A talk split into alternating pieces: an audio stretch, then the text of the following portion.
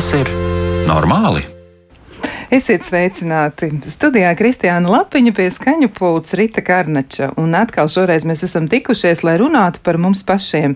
Gan par to, kā mums klājas, gan arī par to, kā atgūt vai noturēt līdzsvaru, ko darīt tajā brīdī, ja liekas, ka dzīves kvalitāte ir pazeminājusies vai pat kaut kur nu, nosacīti pazudusi. Kā atkal atrast sevi un kā atrast savu komfortu, to mēs eh, arī mēģinām izpētīt. Un, protams, runājām reizēm arī par ļoti nopietnām problēmām, arī par dažiem projektiem, nākotnes iecerēm kā nu kuru reizi.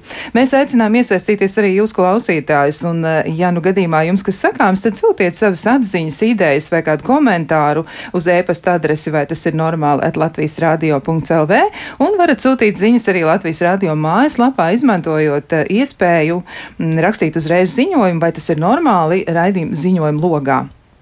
Un uh, ievadam es teikšu tā, mēs atceramies tos cilvēkus, kas mums ir palīdzējuši izaugt. Eh, kļūt par mums pašiem, palīdzējuši atrast mums eh, sevi. Un eh, citreiz arī īstu ceļu, kuru jāiet, vai to īsto ceļu, pārvarēt dažādas grūtības, un varbūt arī jums ir bijis šāds cilvēks. Jāsaka tā, ka Latvijā arī ir cilvēki, kuri ir gatavi būt kādam līdzās, lai palīdzētu izaugt, un šodien mēs runāsim tieši par mentoru kustību, par mentoriem, un liekas arī, ka nav pārāk bieži šis temats cilāts, tāpēc arī ir īstais brīdis par to parunāt. Vēl jau vairāk, ka ir arī nu, var teikt, tāds, tāds aktivitātes posms mentoriem. Un uh, par to šodien arī vairāk. Līdz ar to, protams, mēs nevarējām iztikt bez tāla, neuzaicinātu pašus uh, mentors un tos cilvēkus, kas nodarbojas ar uh, mentoru kustību, īstenot to un arī paši pārstāv šos cilvēkus, kas ir blakus. Un tāpēc esam aicinājuši mentoru Latviju izpildu direktoru Edītas Virbulis. Sveicināt! Labvakar. Vēl kā viesi esam aicinājuši arī brīvprātīgo mentoru Ivo Puškinu. Sveicināts! Labvakar. Un vēl pie mums ir arī psiholoģa ar um, ilgadēju pieredzi sociālās aprūpas jomā un darbā ar pusauģiem. Tā ir Liena Bērziņa. Sveicināts! Nu, lūk, e, varbūt mēs varētu sākt ar e, vispār ar pašu mentoru kustību. Tad e, cik ilgi Latvijā mentoru kustība pastāv? Jo nu, daži cilvēki ir dzirdējuši, daži nav, un citiem ir tādi citi jautājumi, ja, un tad tur kādreiz vēl ir tā arī, ka mentors, nu, kā, kā vārds, ja, vai, vai teiksim, ideja par saturu, ko tas sevi ietver, tad tas sajūg vēl ar kaut ko citu, un tad ir tāds idejas, ka tas vispār ir kaut kāds cilvēks, kas varbūt palīdz, nezinu, pieaugušajiem atrisināt ar darbu saistītas problēmas, bet tas nebūs par to. Tad, Nu, tad par ko tad tas ir? Jā, paldies par jautājumu. Es, es, man būs grūti pateikt par to, kad vispār ir mentoru kustība Latvijā aizsākusies. Es domāju, ka vēsturiski tas jau ir noticis ļoti sen, jo kas tad mentors ir? Mentors tas ir līdzgaitnieks, cilvēks, kurš var dot tev padomu, kurš var tevi atbalstīt un būt tev līdzās. Tā vēsturiski mentors tā ir kāda tāda vecāka un par tevi gudrāka persona, kura tev varētu atbalstīt. Bet, ja mēs runājam par mentoru Latviju organizāciju, tad mēs savu darbību Latvijā esam uzsākuši 2010. gadā. Mēs 13 gadus jau darbojamies Latvijā, un joma, kurā mēs darbojamies, ir diezgan šaura. Mēs sniedzam atbalstu jauniešiem vecumā no 12 līdz 21 gadam, jauniešiem, kuri atrodas vai no ārpus ģimenes aprūpē, vai arī jaunieši, kuru vecākiem kaut kāda iemesla pēc nav iespējams sniegt pilnvērtīgu atbalstu saviem bērniem. Vai nu tā ir kāda slimība vai kādas citas grūtības, kur dēļ, piemēram, vecāks fiziski ir, bet viņš nevar varbūt atbalstīt savu jaunieti tik ļoti, cik tas būtu par, nu, teiksim, tādās parastās ģimenēs. Tas tā būtu īsumā par mūsu organizāciju. Mēs esam uh, biedri vai dalībnieki tādai plašākai Mentor International organizācijai, kurā uh, 94. gadā ir dibināta um, Šveicē un kuras sēdeklis atrodas uh, Zviedrijā. Un mūsu organizācijā ir biedri no dažādām organizācijām, no dažādām valstīm. Tas uh, mums ir ļoti liels pluss un stiprinājums, ka mēs varam dalīties gan savā pieredzē ar citām valstīm, gan arī pretēji, gan arī mēs varam iegūt plašu starptautisku pieredzi un labāko pieredzi par to, kas šobrīd notiek arī citās valstīs mentoringa jomā un at, apmainīties. Mūsu Mentor International organizācija darbojas tieši ar bērniem un jauniešiem, tā kā mēs specializējamies šajā jomā. Un jāsaka, ka arī pētījumi to saka un rāda, ka ka vislabākie sasniegumi mentoringā ir tieši tādi, ja um, organizācijas specializējās kādā konkrētā jomā vai konkrētā programmā un uh, teiksim, savu darbu un zināšanas iegūt, lai, lai attīstītu šo jomu un zināšanas pēc iespējas labāk. Nu, tad šis mentorējumais, vienalga vai šis ir jaunietis vai pieaugušais, viņš iegūst daudz labāku rezultātu no šīs mentora programmas. Jā, nu sākotnēji varētu likties dīvaini, ka mēs runājam par kādu noteiktu vecumu grupu, bet par cik mēs esam sabiedrība, kur mēs visi esam iesaistīti kopīgos procesos, būtu dīvaini, ja mēs par to nerunātu, jo tie jaunieši vai bērni, kuriem šobrīd ir 11 gadu, viņi pēc īsa brīdiņa būs pieaugušie, un laikam ir ļoti, ļoti svarīgi tomēr, ka viņi iegūst tādu stabilitāti vai, vai nākotnes izjūtu vai vienalga ko citu, par ko mēs šodien arī runāsim, kas būtu nepieciešams. Tieši tāpēc, ka ir kāds, kas viņus atbalsta. Um, jā, tieši tāpēc arī mēs runājam šodien par šo vecumu grupu. Tātad vēlreiz precizējiet, tie ir 12 līdz 21. 12 līdz 21. Šī ir vecuma grupa, kura ir atrodas, varētu teikt, tā, tādā ļoti sarežģītā dzīves posmā, jo viņiem notiek ļoti straujas pārmaiņas viņu dzīvē. Un šis, šī palīdzība, šis atbalsts no pieaugušām viņiem ir nepieciešams tieši šobrīd un tagad. Viņi nevar gaidīt gadiem, ja jaunietis ir nolēmis, ka viņš vēlas saņemt mentoru atbalstu. Tad mums ir jādara viss iespējamais, lai mēs no savas puses varētu nodrošināt pēc iespējas atbilstošāku mentoru tieši šim te jaunietim, tieši šim te viņa vajadzībām. Jo mm, vēlos uzsvērt, ka mūsu programma ir individuālais mentorings, jo eksistē ļoti daudz un dažādas mentoringa formas. Mēs šobrīd darbojamies tikai individuālajā mentoringa formā. Tas nozīmē to, ka viens jaunietis saņem vienu pieaugušā atbalstu Un šī ir ļoti, ļoti individuāla pieeja katram jaunietim atbilstoši tieši viņa vajadzībām un interesēm. Un, tie, un mentors cenšas atbalstīt tie, jaunieti tieši tādā veidā, kādā jaunietis ir vēlējies saņemt šo mentoru atbalstu. Tur var būt ļoti dažādas, dažādi piemēri. Jūs varat minēt kādu piemēru? Jā, nu, skaidrāks priekšstats, jo daži cilvēki vispār nevar iztēloties. Nu, kā tas ir? Nu, piemēram, ir jaunietis, kurš, kurš teiksim, saskars ar kaut kādām, piemēram, mentāla rakstura grūtībām. Jā? Un viņš saprot, kaut kādā brīdī viņš saprot, ka būtu forši, ja man līdzās būtu kāds pieaugušais, ar kuru es varētu izrunāties, ar kuram es varētu uzticēt savas domas, no kuras var, varētu saņemt kādu atpakaļsaikni par to, ko es domāju, kā es jūtos. Vai, piemēram, jaunietis, kurš pabeidz 9. klasi, viņš pārceļas no ārpusģimenes aprūpes iestādes, piemēram, vienā pilsētā uz citu pilsētu, jo viņš uzsāk tur, piemēram, profesionālās studijas. Un viņš šajā pilsētā ir absolūti viens. Viņam šeit nav ne um, atbalstošā personāla, ne draugu. Tad viņš sāk pilnīgi no nulles jaunā pilsētā un ir ļoti uh, atbalstoši, ja šajā brīdī ir līdzās mentors, kurš var viņu atbalstīt un palīdzēt un parādīt uh, dažādas uh, vietas pilsētā, vai palīdzēt uh, pieteikties stipendijai, vai aiziet ar viņu aprunāties, iedzert tēju un aprunāties par to, kā šis jaunietis jūtās. Un, teiksim, ļoti, ļoti daudz un dažādas var būt šie risinājumi atbilstoši katra jaunieša vajadzībām. Mm, vai arī jaunietis, kurš, piemēram, saskarās ar kaut, kādam, kaut kādu slimību, kuras, de, un, un, piemēram, viņa ģimene viņu kaut kādu iemeslu pēc neatbalsta. Uh, Un, uh, mums ir bijuši tiešām mūsu praksē gadījumi, kad jaunietis iznākot no medicīnas iestādes, no ārstēšanās, pirmais, pirmā iestāde, uz kuru viņš dodas, vai uz pirmā vietu, uz kuru viņš dodas, ir mūsu mentoru programma, mūsu mentoru programmas pasākums, jo te šeit viņš jūtās droši un, pieņem, droši un pieņemts. Ja. Tiksim, min ļoti dažādas situācijas, un tās varētu būt tikai dažas no, no daudzām. Jā, man liekas, būt par bērnu, par jaunieti, tas ir ārkārtīgi liels izaicinājums. Es tā nu, pie sevis parasti saku, ja, ka strādāt par bērnu ir pats grūtākais darbs pasaulē. Man liekas, ka droši vien arī par pusaudzi un par jaunieti strādāt arī ir ļoti, ļoti grūti. Bet, ja mēs domājam varbūt arī par to nu, skaitu, un citreiz cilvēks arī ļoti pārliecina cipari, tad cik šajā laika posmā, kopš jūs darbojaties, cik jums ir izdevies sniegt palīdzību jauniešiem un arī bērniem, cik tad uh, liels skaits ir?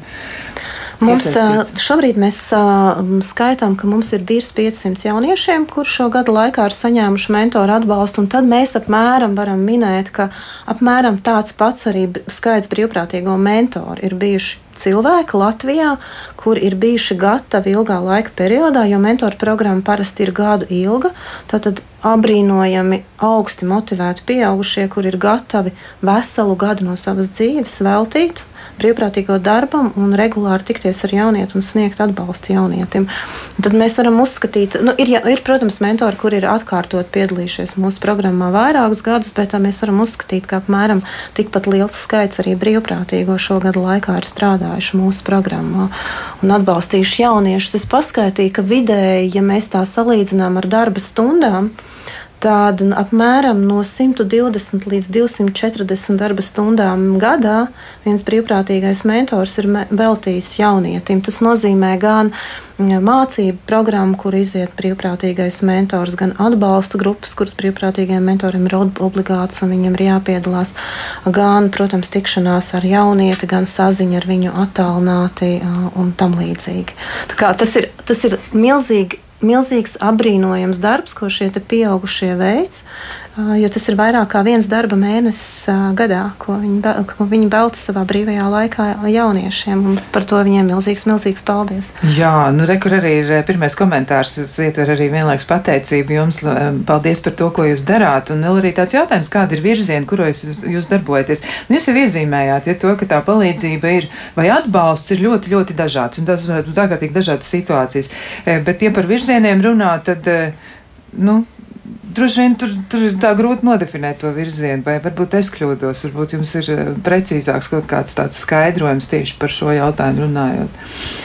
Nu, tāda pati um, būtiskākā lieta, pats būtiskākais virziens, es ceru, ka es atbildēšu uz jautājumu, ir tas, ka pats galvenais uzdevums ir mums caur mūsu programmu nodrošināt to, lai jaunietis justos droši, mm. lai viņš justos pieņemts, lai viņš justos sadzirdēts Un tād, ja šie nosacījumi izpildās, tad, tad burtiski tā kā pa ķēdīti atrisinās arī daudz citu jautājumu, kas ir saistīti ar uzvedības grūtībām, kas ir saistīti ar mācību grūtībām. Jo šeit ir tā vide, kurā jaunietis jūtās labi. Un, ja tu jūties labi, ja tu jūties pieņemts, uh, bieži vien citi. Es lienu lien, kā speciālists, es domāju, varētu daudz plašāk pastāstīt no tāda psihologa viedokļa, kas notiek tad, kad jaunietis jūtās pieņemts, sadzirdēts un, un, un at, nu, teiksim, atvērts. Jā, jā, noteikti. Mēs, es domāju, ienirsim arī dziļumā un izpētīsim, kas ir tās būtiskās lietas. Bet vēl tāds jautājums arī no klausītājiem, kas tieši var kļūt par mentoru un kāda ir kritērija? Varbūt arī uzreiz to uh mhm. ja? Tad, jā. lai tas būtu skaidrs, jo cilvēki vēlās arī šo darīt un iekļaut savā dzīvē, tad noteikti viņiem šī informācija varētu noderēt. Nu, teiksim, Pirmā, pirmā lieta būtu tāda godīga saruna pašam ar sevi, pieaugušajiem.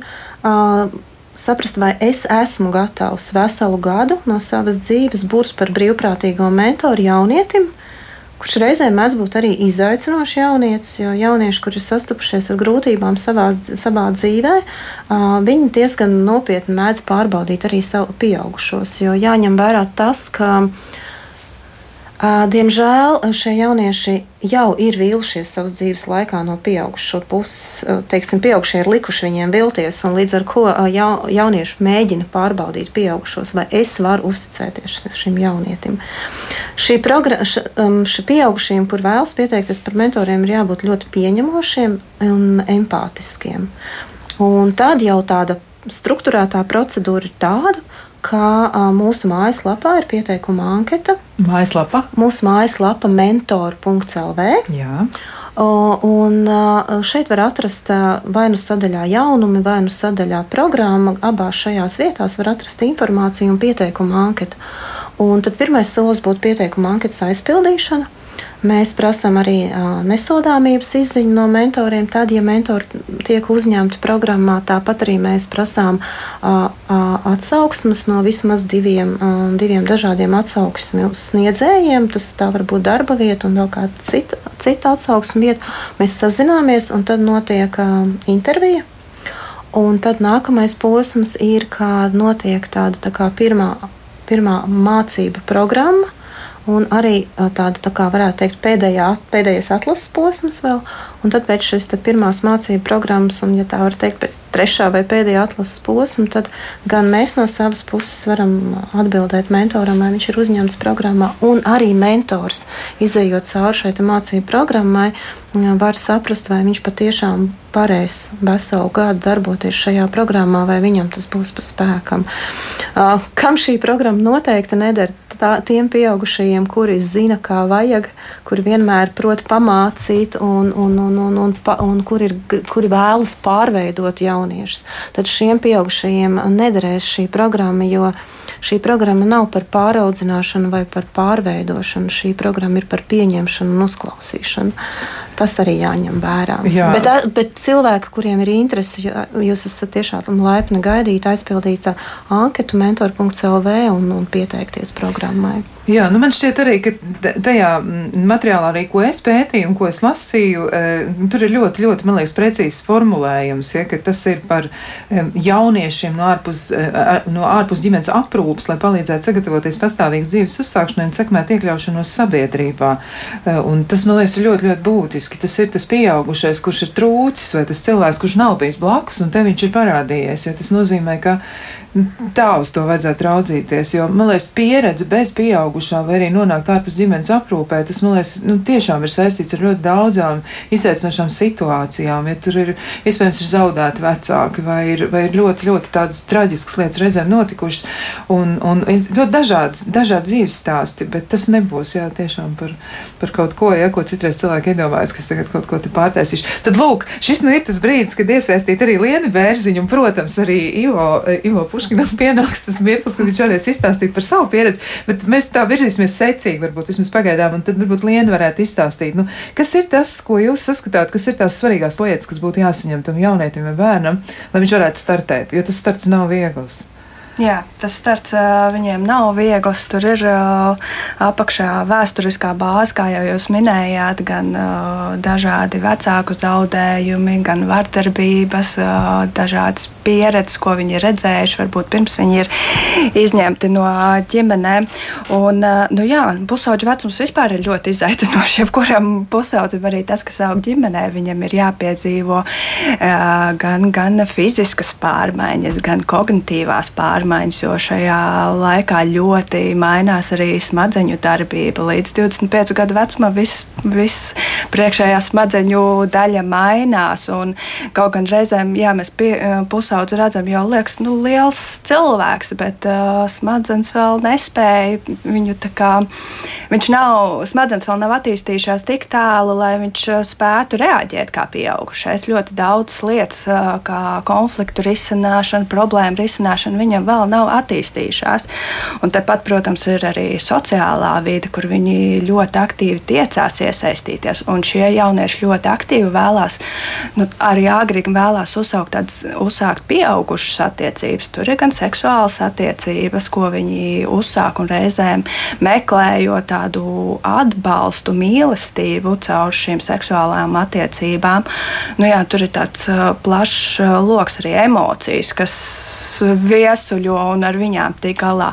Un tad šeit ir tas mentors, pieaugušais, ar kuru izveidojot drošas un uzticamas attiecības, kā jau kolēģi arī minēja. Viņi pārbaudīs noteikti no sākuma, vai, vai šim mentoram var uzticēties. Protams, tas notiek neapzināti, tās nav tādas apzinātas darbības, bet viņiem ir jāpārliecinās, vai šis nav atkal kāds cilvēks, kurš mani pievils un, un, un jā, vai es viņam varu uzdot dažādus sarežģītus jautājumus. Un, kad jau tās attiecības ir izveidojušās, man liekas, jau tur tas process notiek diezgan dabiski. Satiekoties, apmeklējot dažādas lietas, viņi arī uzdrošinās jautāt, risināt tās lietas un arī redzēt, kā ir savādāk. Jo viņi dzīvo savā burbulī, arī mēs dzīvojam savā burbulī, bet viņiem ir ļoti svarīgi redzēt to pieaugušo savādāko burbuli. Jo mentori nāk no tik dažādām darba vietām, pieredzēm. Arī bieži vien daudz mentoru saka, nu, ka arī viņu bērnībā ir pietrūcis uh, kāds atbalsta persona, līdz ar to viņi ir motivēti iesaistīties tādās. Um, Tāpēc viņi arī vēlas kļūt par mentoriem, jo viņi zina, cik tas ir svarīgi. Un tad man liekas, ir burvīgi, ka viņi spēja parādīt, pavadīt to laiku kopā. Daudz mentori jau kļūst par tādiem dzīves draugiem. Ir beidzās mentoru programma, bet viņi turpina sazvanīties, sarakstīties. Tas man liekas, ir apbrīnojami, ka viņi spēja iegūt tādu cilvēku arī ārpus viņa ierastās vides, ar kuru sazvanīties, aprunāties, kā rīkoties varbūt kādās situācijās, uz kuru skolu vēl man tālāk iet, ja man ir vairāk variantu. Nevis iet tur, kur visi mani draugi iet, bet uh, izvēlēties, jā, pārcelēt tos jautājumus. Jā, tas varētu arī nebūt reizēm nemaz tik vienkārši. Nu, tā kā palikt ar savu jautājumu kaut kur gaisā karājoties, un tad ir jāatrod tas cilvēks, kurš varētu iedot atbildi, vismaz iedrošināt. Tas ir tik ļoti svarīgi. Nu, re, un te nu arī ir tas mirklis, kad noteikti ir jāvaicā pašam brīvprātīgiem mentoram, un tāds mums arī šodien ir, un tas ir Ivo Puškins. Kā tad jūs nonācāt līdz nu, šai izvēlē, ka jūs izdomājāt, ka jūs būsiet mentors? Kā vispār jūs, jūs, kā jūs esat par to kļuvis? Jā, nu, tur ir daudz ietekmes, varētu teikt. Pirmkārt, jau zemapziņā pašam nu, liekas, ka tas pats fakts, ka tāda metoda programma ir, nu, tas jau liekas, ka tas ir kaut kas, ko vajadzētu darīt.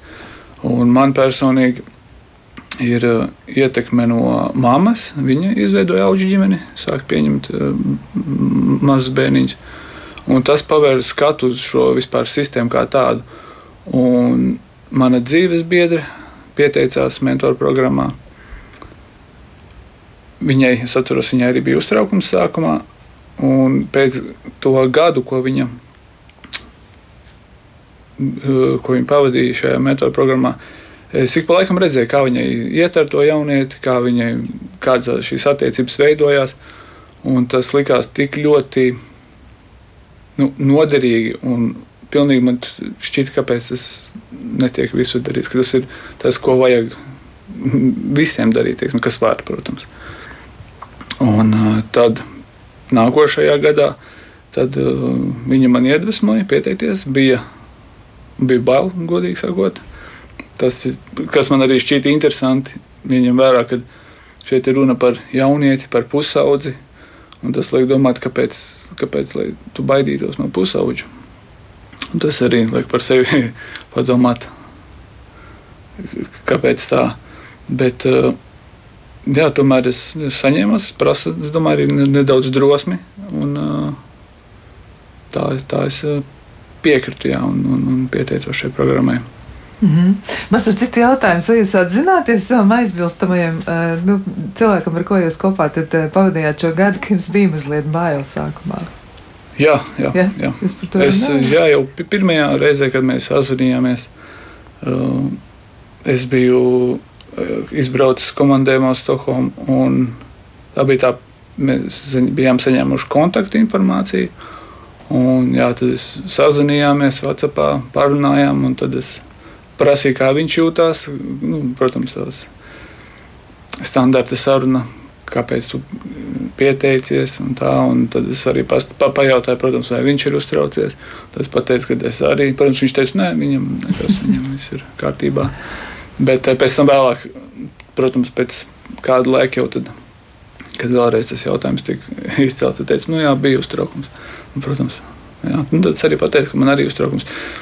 Un, uh, Nu, jā, tajās attiecībās, kā tādās, es nemēģināju mm, tā kā nezinu, tēlot, ka man nav uztraukums, bet uh, parādīt, ka nu, no manas puses, kas bija tas, ko es vēlējos teiksim, parādīt, ka ir normāli uztraukties, ir normāli atzīt sev, ka tev ir uztraukums. Un, nu, jā. Jā, tas eh, noteikti nav vienkārši ielaist dzīvē vēl kādu citu cilvēku, pieņemot to, ka tur tiešām ir jābūt ļoti atbildīgai attieksmei. Nu, ka jums ir jāuzņemās pilna atbildība par to, ka jūs veltīsiet tam laiku, ka jūs ierādīsiet tam visam vietu savā dzīvē. Jūs nevarēsiet tā vienkārši pateikt, nu, man tagad tur nesanāk vai kā. Tas, man liekas, ir tad, tad milzīgs atbildības sloks mentoram. Pat ne sloks, varbūt tas nav īstais vārds, bet kā jums bija ar šo? Jūs tā, nu, Jā, sākumā tas liekas, sākumā tā liekas ļoti liela atbildība. Un, tādēļ arī tās bailes pieteikties vispār, jo šķiet, kā, kas es par mentoru. Tā, nu. un, man šķiet, tas ir viens no faktoriem, kas liecina, ka tieši tas cilvēks arī varētu būt labāks mentors, kurim ir šīs šaubas. Nevis kā Edīte minēja, tas nav, lai es zinu, kā labāk, es zinu, kā vajag, tad es arī tūlīt tieši un pateikšu. Tomēr nē. Bet, uh, pēc, pirmā, pēc pirmās sarunas jau, nu, jau tu saproti, kā šis jaunietis ir, un tas viss pazūd. Tas viss, tās raizes, tas uztraukums, saka, Dievs, saka, Dievs, kā es tagad. kā es tagad tikšu galā, tas ātri vien pazūd, jo tu saproti, ka tā, tas ir vienkārši parasts jaunietis, kā jebkurš cits jaunietis. Vismaz ar tādu attieksmi ir. Es vismaz gāju ar tādu attieksmi, ka tas ir kā jebkurš cits jaunietis. Ar, nu, man ģimenē daudz jauniešu ir un tie, ar tieši tādu pašu attieksmi kā, kā ar jebkuru citu.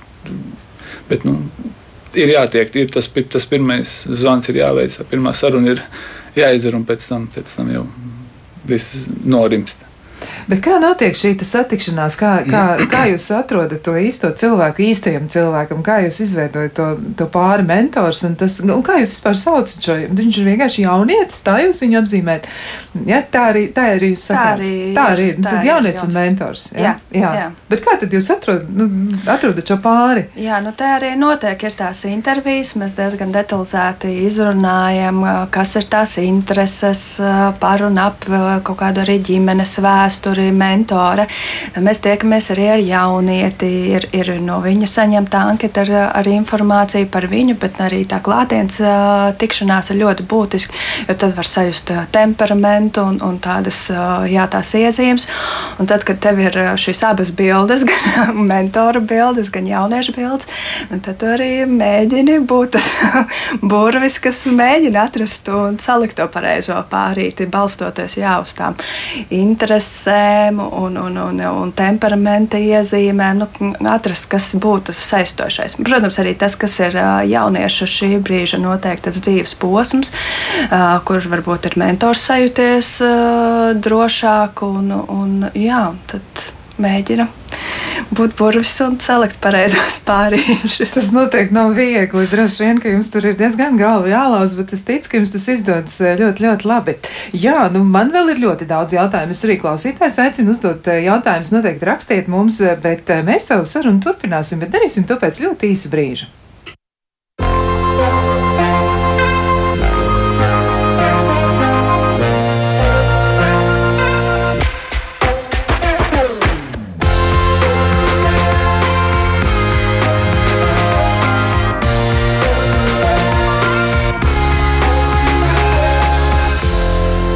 Tas ir normāli?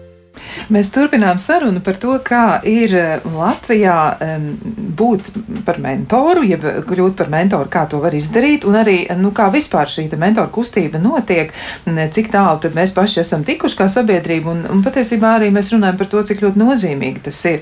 Bet man, kā Alaž, gribas arī atgādināt klausītājiem, noteikti iesaistieties mūsu sarunā, jūs to varat izdarīt ļoti vienkārši, vai nu rakstot uz e-pasta adresi, vai tas ir normāli Latvijas radio.lv, vai arī izmantojot ziņojumu logu logu pie raidījuma, atverot eh, raidījuma nu, nu, tādu tā kā logu ja, datorā un ļoti vienkārši tur to visu var izdarīt. Tā kā noteikti gaidām arī jūsu ziņas, un varbūt arī jums ir kāds jautājums par mentoru kustību, kā iesaistīties, kā kļūt. Ja mēs noteikti arī šo informāciju vēlreiz atkārtosim, bet ja nu ir kas vēl sakāms, varbūt kādam ir arī pieredze, un varbūt arī kāds jaunietis ir gatavs dalīties ar savu pieredzi par to, kā bija kaut kad, varbūt kāds ir gatavs dot kādu ziņu par sevi.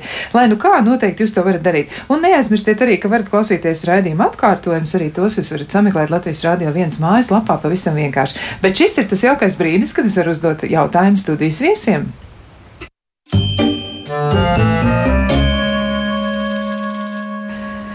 Nu, lūk, parasti mēs jautājumu izlozējam, ja, bet šoreiz par, par cik man ir trīs viesi, tad jautājums ir tikai viens, tad, nu, bet, bet es atbildu gaidīšu no katra. Un jautājums ir iesūtīts, un, un šoreiz ir sakritis tā, ka tas tiešām ir jaunietis. Un uh, jautājums ir šāds, ja, ka viņam ir nu, drusciņi tā kā konflikta atblāzma ar vecākiem, jo viņš grib nokrāsot savu istabu nu, praktiski melnu.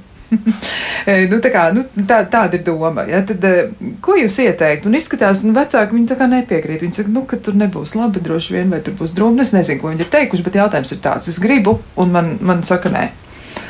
Nu, tad, mm. ko jūs teikt? Kā, kā šo situāciju varētu risināt? Man liekas, tas ir ļoti iespējams arī varbūt mentoru un jauniešu attiecībās. Varbūt Ivo varētu dot atbildi pirmais. Hmm. Jā, grūti. Interesanti. Nu, Viss droši vien sāktos ar diskusiju, bet nu, beigu beigās, manuprāt, sienas var pārkrāsot jebkad. Var, nu, pēc tam, ja tiešām ir tik traki, var pārkrāsot atpakaļ. Tas tāpat nebūs uz visu laiku šīs sienas melnas. jaunietis izvāksies, tad, kad tur ierīkos kādu atpūtas telpu, kad jaunietis būs studējis citur. Tad, Es domāju, varēs pārkrāsot šīs sienas, un tā nebūs problēma. Nu, tad jūs tā kā teikt, ka, ka varētu mēģināt šo risināt, nu, lai iet. Jā. Domāju, jā, es domāju, man tas nešķiet tik. tik izaicinoši. Jā, jā. Vecākiem. jā, nu, ko teiks, ko teiks pārējās viešņas? Jā. Es noteikti aicinātu paskatīties, ka uh, tas ir vispār pusauģis tāds identitātes meklējuma laiks. Uh, jaunieši ir izaicinoši ģērbjas, uh, ir dažādi izaicinoši mūzika, ko klausās arī tā uzvedība. Un šis ir viens tāds noteikti sevis meklējums, un kā ir dzīvot melnā istabā. Mēs noteikti nezinu, no klātesošiem es neesmu dzīvojis melnā istabā, bet noteikti nu, tam ir kaut kāds uh, mērķis, uh, ko viņš grib ar to panākt. Nu, kaut vai izbaudīt, kā tas ir melnā istabā dzīvot. Un tad noteikti ir nu, svarīgi pašam atbildēt jaunietim uz šiem jautājumiem, uh, ja vecāki nav varbūt tik uh, pretīm nākoši un mēģināt argumentēt tās lietas un mēģināt runāt. Un te ir svarīgi noteikti vecākam izstāstīt arī savus argumentus, kas ir tā tās bāžas, kāpēc man liekas, nu, ka varētu būt grūti dzīvot melnā istabā, vai kas varētu būt tie ierobežojumi. Iespējams, nu, ka ierobežojums ir arī finanses, ka nebūs iespēja pēc nezinu, nedēļas pārkrāsot citā krāsā atpakaļ. Melnu krāsu noteikti arī ir grūti atgriezt gaišu, bet nu, jā, tad noteikti ir tas, kas arī pusaudzim ir jāmācās, ir tāda diskutēšana, argumentēt tās savas lietas, kāpēc es to vēlos, un, un, un, un tas arī dos viņam pašam saņemam atbildes, kāpēc man tas ir svarīgi. Mm -hmm. Labi. Jā, ļoti interesants jautājums. Es pat esmu mentori jau vairākus gadus arī jaunietei. Un, uh, es jau tagad, skatoties uz to, to mentorēšanas pieredzi, varu teikt, ka šajā melnās istabas krāsošanā ir ļoti daudz uh, tādu atbalstošu soļu jaunietim. Pirmkārt, tas, ko jau Liena minēja par to, ka tev ir jāmācās argumentēt savus viedokļus. Tas, ko Ivo minēja, tas nav nekas traks, nokrāsot istabu melnā krāsā. Ja tu to vēlies, tad dari. Es vēl no savas puses iedomājos vēl pieminēt, ka tā ir arī forša un praktiska iemaņa, ko tu iemācies. Tu iemācies nokrāsot sienas savā istabā. Es domāju, ka brīnišķīgi, ja jaunietis vēlās krāsot savu melnu istabu, lai viņš to dara. Un, un, un, un, bet pēc tam, ja viņš jūtās slikti, lai viņš arī prot atzīt to, ka Nē, tomēr melnā istabā nav, nav viegli dzīvot, lai viņš arī pēc tam to istabu droši krāso atpakaļ, lai viņš nemocās ar šo melno istabu, ja tomēr ir grūti dzīvot melnā istabā. Nu, es tur redzu ļoti daudz pozitīvus aspektus. Nu, Tad iemaņas ja, un, un drosme diskutēt un vēl visādi citas lietas. Nu, izskatās, ka studijas viesis ir ļoti atbalstošs. Nu, tad mēs ceram arī, ka jautājumu uzdevējs būs iedrošināts un tomēr ar vecākiem izrunāsies. Nu, nav tik traki, var pamēģināt un tad skatīties, kā ir. Un tad atgriežoties pie mūsu pamattemata, man vēl arī jautājums jautājums, eh, Ivon, kas ir tās, nu, tādas varbūt biežāk eh, pētītās, diskutētās lietas starp jums un, eh, un jaunieti? Kas ir tas, par ko jaunieši vispār runā, un kas ir varbūt arī jūs redzējums par to, kas ir tās problēmas, kas viņus nomāca un par ko viņi vairāk vēlas spriest? nu, es varu, jā, pirms es atbildēju, gribēju pieminēt, ka ir dažādi jaunieši, dažādi mentori un tās attiecības arī dažādas izveidojas. Es varu tikai no savas pieredzes uh, pieminēt. Mums mm, nebija tik daudz problēmu risināšana uh, attiecībās. Mēs, mēs vairāk pavadījām laiku kopā. Mēs runājām par ikdienišķām lietām. Tās pašas filmas, kaut kādi seriāli, video spēles. Un problēmas kā tādas netika tik ļoti risināts, vismaz tiešā veidā. Tāpēc, tāpēc jā, es nezinu. Es nu, tas ir vairāk jā, par to kopā būšanu. Ja? Tad es jā, jā. saprotu, ka tas ir tas, tā pati dzīve, kas ir, Pro, kas notiek mentors. Parādās, jā, protams, tas ir, tas ir tieši specifiski mūsu, man un manam jaunietim. Protams, ir, ir citi. Uh, šie pāri, kas tiešām risina, kad ir kaut kādas tie, tās pašas, kad jaunietis beidz skolu, jo mans jaunietis bija vecumā, kad viņš mācījās 8. klasē, viņa ikdiena bija draugi, izklaides televizors, mācības. Nu, tajā problēmas nekādas. Un es arī godīgi nespiedu kaut kā meklēt kaut kādas problēmas. Es negribēju uzspiest, un, un, un, un, un es gribēju vienkārši būt blakus, labi pavadīt laiku, lai viņš redz, kā var sarunāties, kā var izklaidēties, ka visam nav jābūt kaut kādai tu, nezinu, terapijai vai, vai, vai visām sarunām nav jābūt ar kaut kādu mērķi pamācīt, vai kad var vienkārši var parunāties. Jā, tas varētu arī reizēm laikam, būt tas pats, pats tas, kas ir vajadzīgs. Mm. Jā, bet, bet ja mēs jautājam arī vēl varbūt nu, pārējiem viesiem, arī un Lienai Bērziņai, mm, nu tad. Um, Kas ir tas, ko jaunieši saka, par ko viņiem gribētos runāt? Nu, ja mēs, nu, teiksim, Ivo teica, ka viņam ir, nu, viņš vienkārši bija kopā, un iespējams tas bija, un noteikti tā arī bija pats labākais, kas tieši tam, tam, tam, tam zēnam bija vajadzīgs. Bet, mm. ja, ja vispār runā par to, par ko jaunieši tad uh, saka, kas ir viņu problēmas, vai viņu raizes, vai viņu bāžas. Mm. Nu, tā jau ir jāatspoguļo jā, to, ko Ivo teica, kad nu, tās, lai uzdot sarežģītos jautājumus, ir jāizveido tādas uzticamas attiecības. Un, un nav jau garantija, ka nepaiet varbūt gads, divi gadi, kad rodās šī sajūta, un tad viņš zina, hei, es varu piezvanīt Ivo un pajautāt to jautājumu. Jo tiešām nu, tajā laika posmā ir viss ok, mēs kopā tiekamies, veidojam tās attiecības, un tad pienāk jā, brīdis kad radās kāds sarežģīts jautājums. Nezinu, grūtniecība, varbūt meitenēm neplānota, nu, kas var būt jautājums, ko man tālāk darīt un, un kā būt. Tā pati kaut kāda skolas profesija izvēle, vasaras darbi, jā, kā, kā atrast darbu, kur meklēt, kas ir tie risinājumi. Tur tie jautājumi noteikti var būt ļoti dažādi, nu, ko, ko viņi uzdod. Tāpat kā būtu klasē, kā varbūt sadraudzēties, nu, kas viņiem ir uz to brīdi aktuāli. Man liekas, cik ir dažādi jaunieši, tik arī dažādi jautājumi var būt. Un te ir, cik ir mentori pāri, tik arī ir tajā, tās, tās sasaistes un, un tie jautājumi, ko runā. Un te arī ir tas brīnums, ka nu, ir arī mentoriem savu tā dzīves pieredzi. Bieži vien mentori arī saka, ka jā, mēs, man bija grūti, vecāki man neatbalstīs, tagad uzsāk un, un ir forši, kad viņš var izstāstīt jaunietim, ka man arī tā bija un, un ko es darīju tajā situācijā.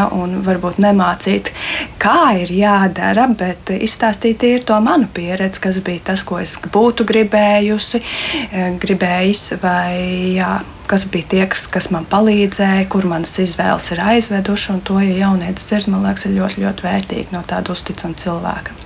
Jā, nu vēl arī tāds jautājums, uz ko arī Ivo varētu mēģināt atbildēt. Kā var izmērīt, vai mentors ir palīdzējis? Kā jūs to nosakāt? Un kas ir varbūt, nu, tā varbūt ir iekšējā izjūta, kas jums pasaka, ka nu, šis ir forši, mēs tiešām kaut ko tur izdarījām un izskatās, ka tas ir palīdzējis? Nu, manā, gadījumā, manā gadījumā to varēja redzēt pašās mūsu savstarpējās attiecībās. Sākumā mēs bijām vairāk noslēgti. Es arī, protams, biju noslē, noslēgtāks nekā, nekā uz beigām, jo nu, mēs viens otru iepazīstam. Un beigās jau mēs atklājāmies vairāk, mēs varam sākām runāt par, ko es pamanīju, kad uh, sākumā mans jaunietis diezgan, diezgan uh, tā izteikti piekrita visam, ko es piedāvāju, ko darīt. Protams, viss bija vienmēr labi, darīsim to, darīsim to, viss, viss ko es piedāvāju, tas bija labi. Un uz uh, jau kā laiks gāja, tad viņš sāka jā, vairāk izteikt savu viedokli, ko viņš grib, ko nē, tagad nē. Tur, nu, es domāju, tas parāda, ka šī uzticība, ka viņš, ka viņš zina, ka viņš man var atteikt. Ka, ja viņam piedāvāju tur aizietu to padarīt, viņš var pateikt, nē, varbūt varam kaut ko citu. Nu, sākumā tas tā nebija, bet uh, ar laiku tas, un, protams, nu, gads tas ir diezgan maz, jo mēs esam pirms tam bijuši sveši. Tad mēs esam viens otru tikko iepazinuši, gada laikā izveidot tādas tuvas attiecības, lai būtu tur pirmā uzticības persona. Tas, manuprāt, ir diezgan daudz prasīts, bet eh, nu, tas tāpat ir ļoti noderīgi. Nu, cik jūs bieži satikāties, nu, vai vispār tas ir arī tā kaut kā prognozējums? Jo, protams, ka, nu, ja mācībām runā, jā, vai, teiksim, ekipējumu mentoriem, tad tur ir skaidrs plāns. Es tā saprotu, ka tur jūs, nu, tad es izdomāšu, kā tas notiek. Bet tieši ar, ar jaunieti vai ar šo te cilvēku, ar kuru tad, nu, tas gads tiek pavadīts kopā, kā tas notiek? Mums bija, ja nemaldos, divas reizes mēnesī tā kā oficiāli paredzēts vismaz spēt satikties. Protams, nu, dzīve notiek un nevienmēr tas izdodas, bet, protams, tas vienmēr tiek komunicēts ar, ar, ar, ar jaunieti. Un, kad viņam ir laiks, jo viņam arī ir savi, sa, savas nodarbības, ne, viņ, ne viņam vienmēr ir laiks, ne arī es vienmēr spēju atrast šo, šo brīvo dienu, teiksim, kad, kad būtu iespējams. Bet dažreiz sanāca mēnesī, varbūt vienreiz satikties, dažreiz biežāk. Es domāju, ka tas ir arī atkarīgs no. Nu, mums vēl bija tāda situācija, ka mēs dažādās pilsētās dzīvojam, tas arī apgrūtināja šo uh, tikšanās biežumu. Bet nu, mēs visu sarunājām, un viss tika izrunāts, kāpēc, vai mēs varam satikties vai nevaram. Un, Nu, tad viņam viss bija skaidrs, viņam nebija tā sajūta, eh, kas, kas varbūt kādreiz kādam nu, jaunietim iespējams ir bijusi. Ja viņam, piemēram, ir ārkārtīgi grūti pārdzīvot atteikumu, jo viņam liekas, ka viņu atkal pamet. Un, un, un tas ir tas, kas, eh, nu, ko viņi tik daudz, kā Liena arī pieminēja, un Edita teica par to, ka tur ir bijis dažādi. Tas ir bijis sarežģīti. Mēdz arī būt otrādi. Mēdz būt arī otrādi, kad mentors. Uh, aicina uz šīm tikšanām un, un, un gaida pie stācijas pulksteņa. Un jaunieci arī neatnāk, arī tā mēdz būt.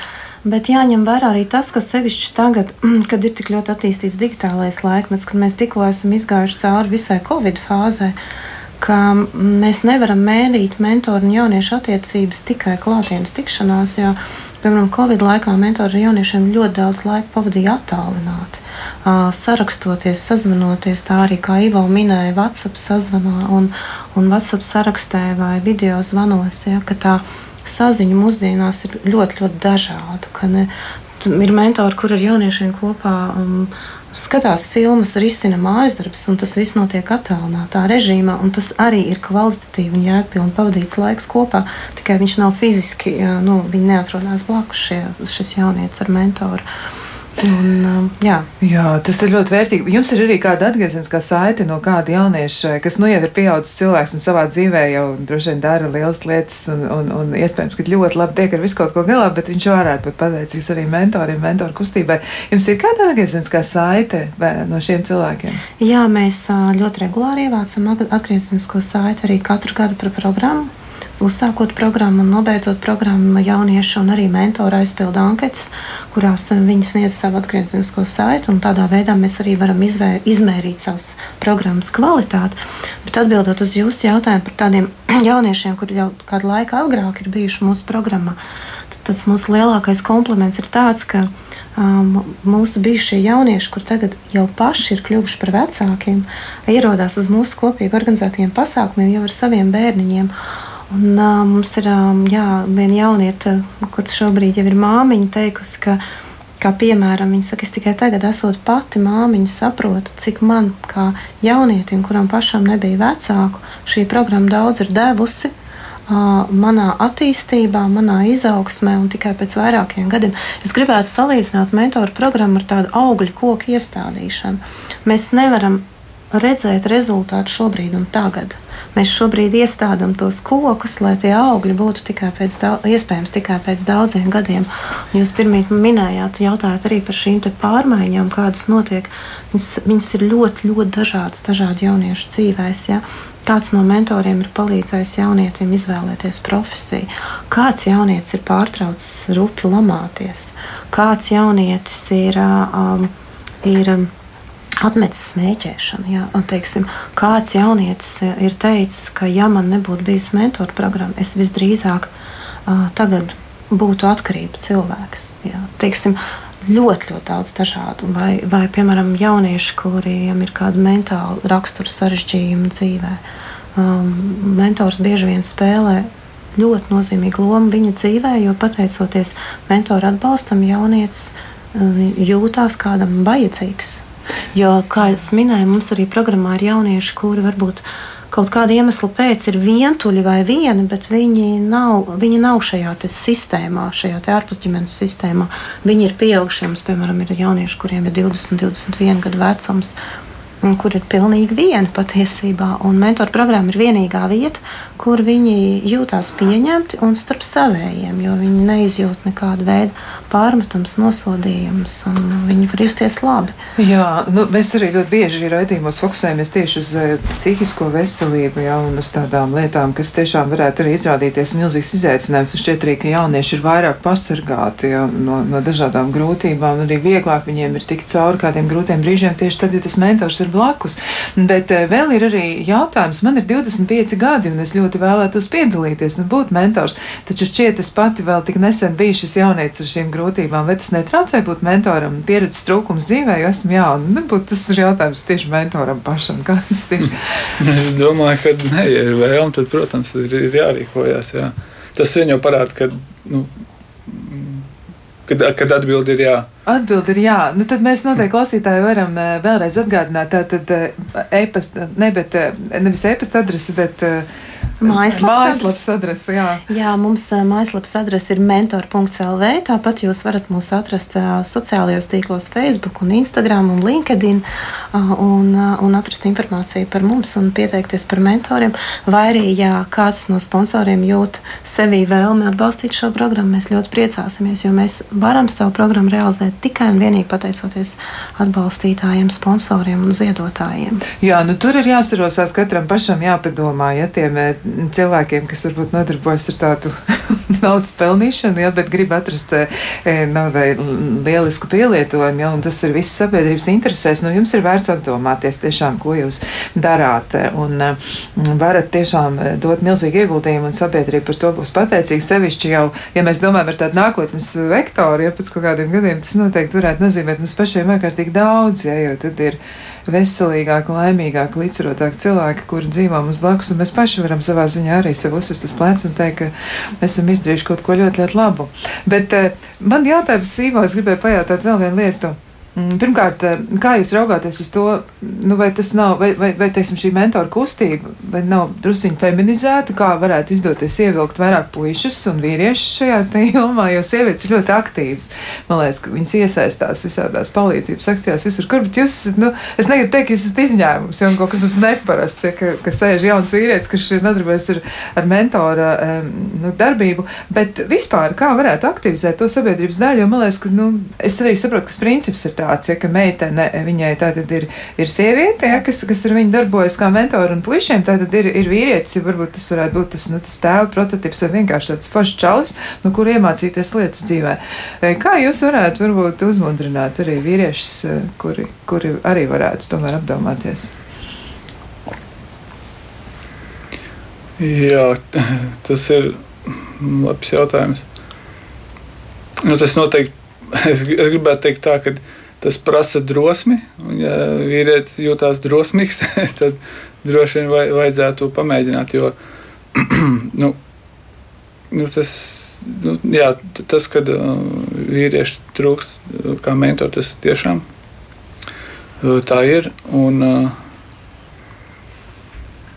ja ir, ja ir šī iespēja un vēlme, kas visticamāk ir, Jo gan jau mēs zinām, kā, kā vajadzētu, kā es kā vīrietis varu pateikt, ka tas domu gājiens jau, ka mēs, mums šķiet, ka mēs zinām labāk un, un, un par citiem un par jauni, jauniešiem.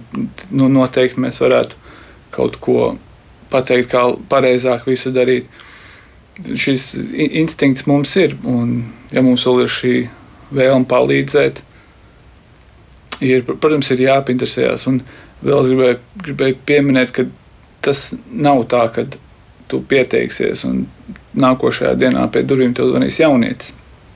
Protams, iziet cauri šī, šīm intervijām un, un, un, un apmācībai. Un tas ir ilgāks process, un pieteikties vienmēr var. Un, nu, ja, ja beigās tiešām pārdomā, nu, ir vēl izējas iespējas. Teiksim, bet, jā, nu, tas ir, ir jāpamēģina, lai, lai, lai saprastu, ka, ka tas nav tik tā, kāds izklausās. Kā jā. es pirmie minēju, pēc pirmās sarunas, tas jau nu, tā ir parasta, parasta saruna ar jaunieti. Jā, bet uh, parasti arī cilvēki, man liekas, ja bieži, varbūt parasti ne, bet bieži viņi domā par to, nu, ko es varētu dot tam cilvēkam, tam jaunietim, un mums ir skaidrs, ka tas ir milzīgs resurs, ko mentors var iedot. Bet ko tieši jūs iemācījāties no savu jauniešu? Noteikti ir kaut kas, ko jūs varat teikt, kas jūs ir izmainījis kā cilvēku. Es teiktu, nerunāt tik daudz, jo ir, ir, ir, šī vēlme, teiksim, uh,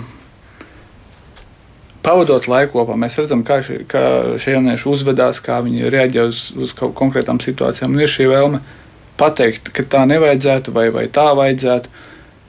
Es uzskatu, ka es iemācījos vienkārši ļaut jaunietim būt viņam, pieņemt viņu kāds viņš ir, nekritizēt, neaizrādīt neko. Vienkārši, kā es teicu, ka mēs pārsvarā laiku pavadījām runājoties, apspriežot dažādas tēmas.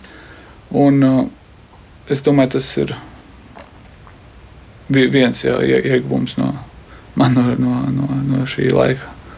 Nu, rekā, tad nerunāt tik daudz. Tas varētu arī būt svarīgi, jo mums jau gribas reizēm pamācīt un, un, un parādīt ar pirkstu bez mazliet, kur jāiet, kas jādara. Un varbūt arī mēs savā ziņā bieži vien darām nepareizi. Mums nevajadzētu tā rīkoties. Mums vajadzētu varbūt arī vairāk cienīt pašiem savus savus jauniešus, bērnus, un varbūt vairāk arī domāt par nākotni. Bet man jāsaka liels paldies šajā brīdī. Man jāsaka, raidījums arī nu, tāds īsts, tas, tas laiks. Eh, droši vien, ka pie šīs sarunas būs vērts atgriezties vēl kādu reizi. Bet es teikšu šajā mirklī paldies gan mentoru Latvijas izpildu direktorai Edītei Zvirbulē, gan arī brīvprātīgajam mentoram Ivo Puškinam un arī psiholoģijai mm, eh, Edlienai Bērziņai par to, ka jūs bijāt atraduši laiku eh, šovakar atnākt ciemos pie mums. Un klausītājiem savukārt novēlam apsveriet iespēju kļūt par mentoru, jo tiešām jūsu līdzdalība varētu ļoti, ļoti daudz nozīmēt nākotnes sabiedrības eh, veidošanā. Un klātbūtne, nu, tas ir laikam pats pats būtiskākais, kas eh, visā šajā procesā ir vienkārši būt blakus un savā ziņā dalīties ar iespēju pieaugt. Ļoti, ļoti precīzs formulējums un jācer arī, ka jūs mūs sadzirdējāt.